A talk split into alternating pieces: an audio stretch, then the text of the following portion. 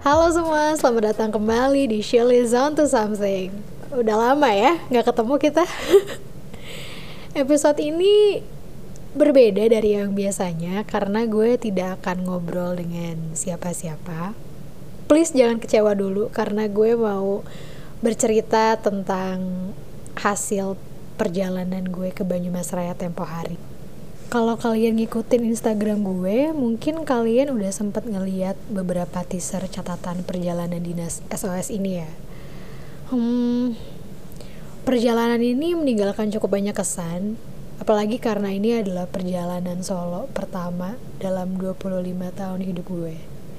Gue beneran ketemu dan kenalan sama orang-orang baru, ketemu dengan karakter-karakter yang sangat menarik, nongkrong bareng, biarpun gue tebak-tebakan nih kira-kira mereka lagi ngomongin apa? Karena gue nggak bisa bahasa Banyumasan keterbatasan yang akhirnya membuat gue bikin catatan mental isinya tuh kata-kata bahasa Banyumasan yang dan apa maknanya kira-kira setidaknya dalam konteks kalimat yang gue denger waktu itu. Kayak keberiki priwe. Tapi cuma ya lidah tetap belum cocok masih wagu. Ya makan mendoan seminggu penuh dan minum ciu ternyata belum cukup membuat lidah gue cocok berbaju masan. Anyway, sebelumnya gue harus menjelaskan Banyumas Raya itu mencakup beberapa kabupaten. Ada tiga yang gue datengin, yaitu Banyumas dengan ibu kotanya Purwokerto, terus Purbalingga, dan Cilacap. Gue sengaja ke sana untuk ngobrol bareng lima pelaku kreatif dari berbagai sektor dan keprofesian mulai dari komunitas film, sastrawan, pegiat scene musik, dan juga ilustrator. Selama perjalanan ini, gue ditemani oleh salah satu tamu podcast gue sebelumnya, yang terus surprisingly jadi seorang teman, Zaki Muhammad namanya. Bermodalkan motor Win 100 dia, motor kades katanya, kami berdua keliling tiga kabupaten itu perlu dipahami ya, Banyumas Raya itu bukan wilayah yang kecil. Misalnya dari kota Purbalingga menuju Cilacap aja itu kami menempuh jarak lebih dari 60 km. Perjalanan terjauh gue membonceng sepeda motor. Kenapa kok Banyumas Sul tapi? Mungkin itu yang ada di benak kalian. Well, tenang, ini tidak ujuk-ujuk. Alasannya sih satu ya, gue menyadari betul ekosistem kreatif di Indonesia tuh punya realitas yang beragam banget And boy how I have been living in my bubble.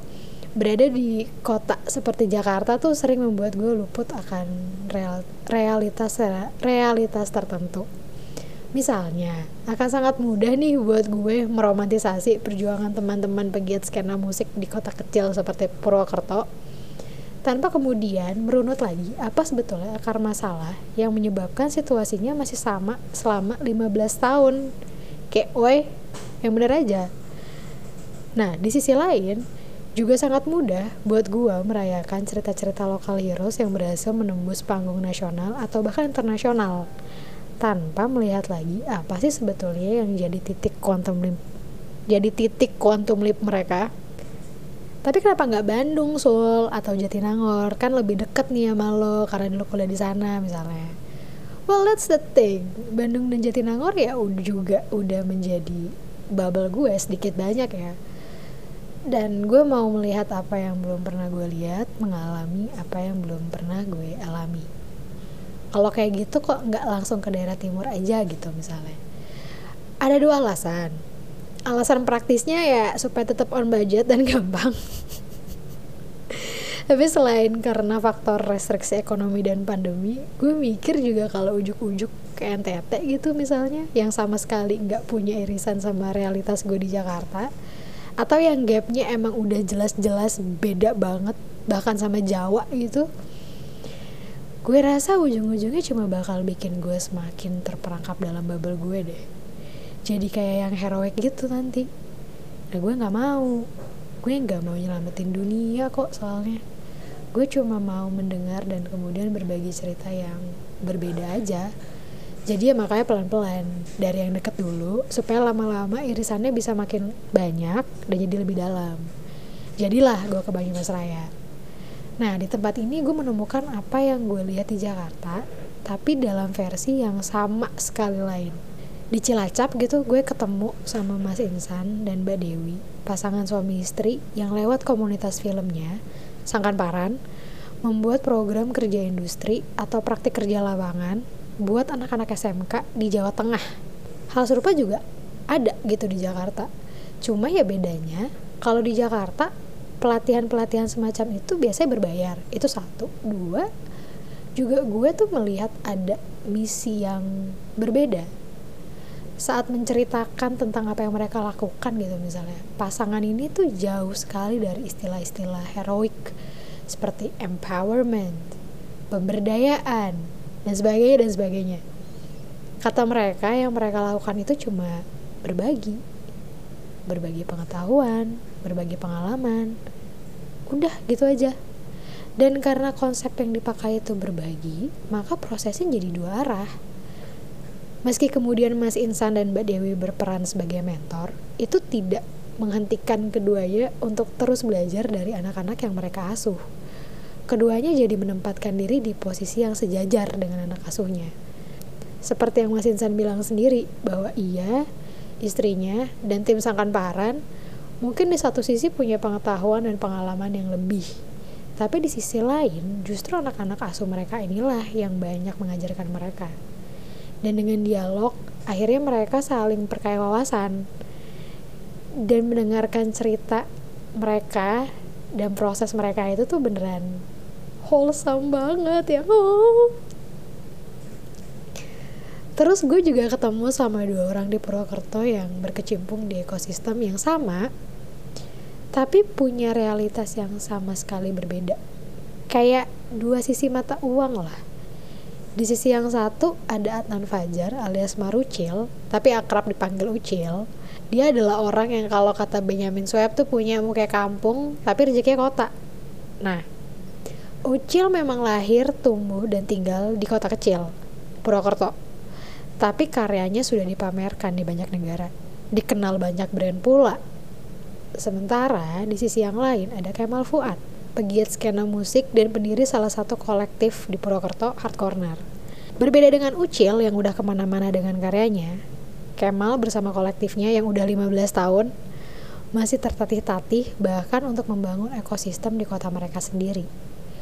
Gue nggak membandingkan mereka apple to apple, tentu nggak bisa. Cuma lewat percakapan yang terpisah, gue jadi bisa narik kesimpulan kalau ada hal yang sudah diselesaikan Ucil dengan dirinya sendiri, tapi belum oleh Kemal dan teman-temannya. Hal yang mendasar sih menurut gue dan wajar banget, yaitu mental block dari anak-anak di kota kecil. Sebagai orang yang juga berasal dari kota kecil, Cikarang, gue bener-bener kayak ngaca, gue tahu betul rasanya mencari-cari alasan untuk menjustifikasi ketidakpercayaan diri. Bilangnya nunggu kesempatan datang, atau saat yang tepat datang. Tapi nggak pernah benar-benar melakukan sesuatu juga untuk make things happen gitu. Sebuah proses overthinking yang ujung-ujungnya coba bikin frustrasi dan hanya bisa nyalain keadaan.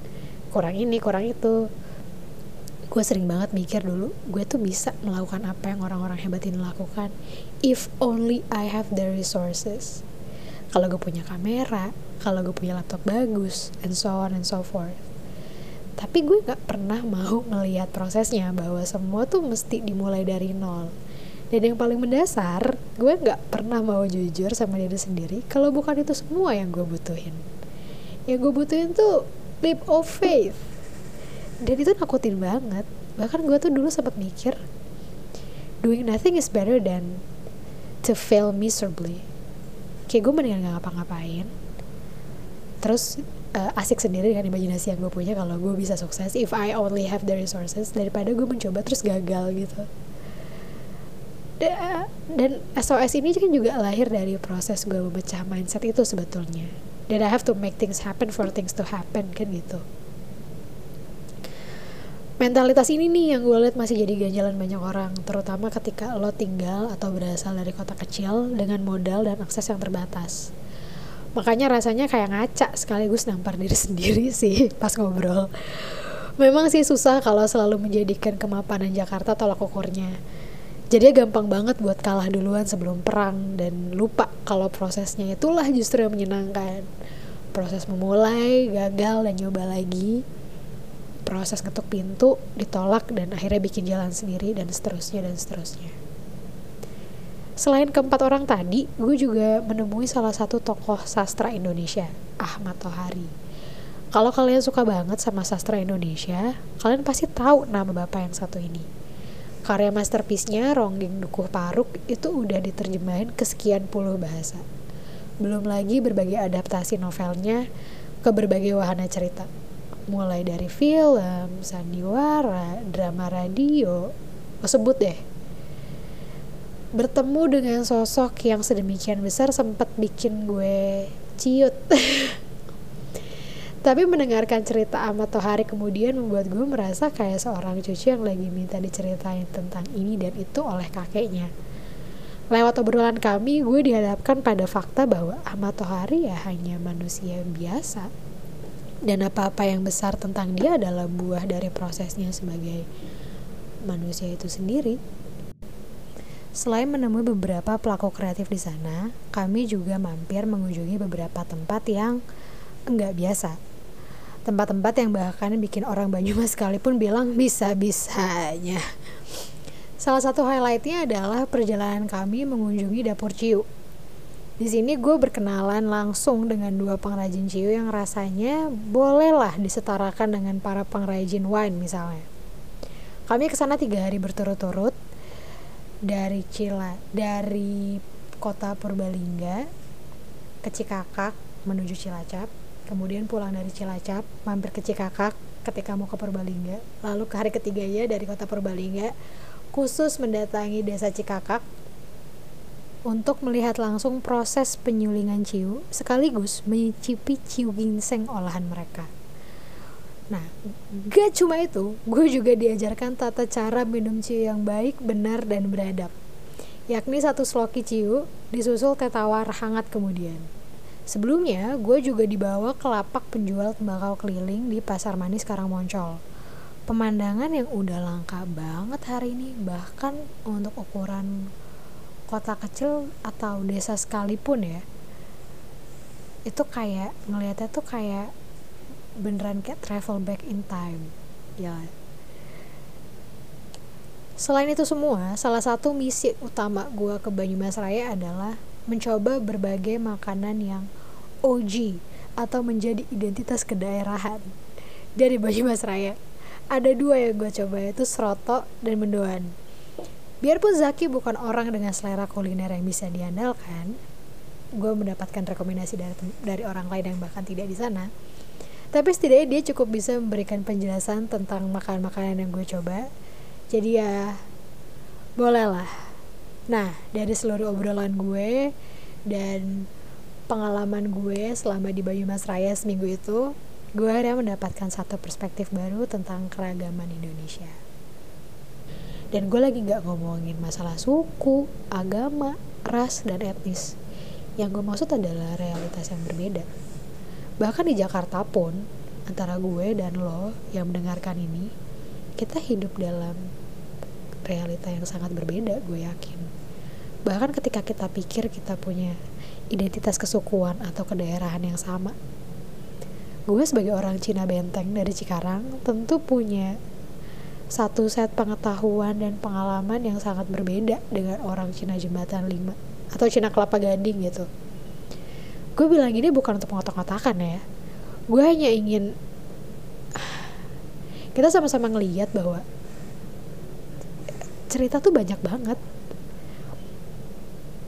Dan gue hanya dan gue pengen berbagi cerita yang berbeda itu sama kalian supaya kita bisa sama-sama tahu dan menerima perbedaan-perbedaan kita tahu literally bedanya tuh di mana gitu. Apa yang membuat berbeda.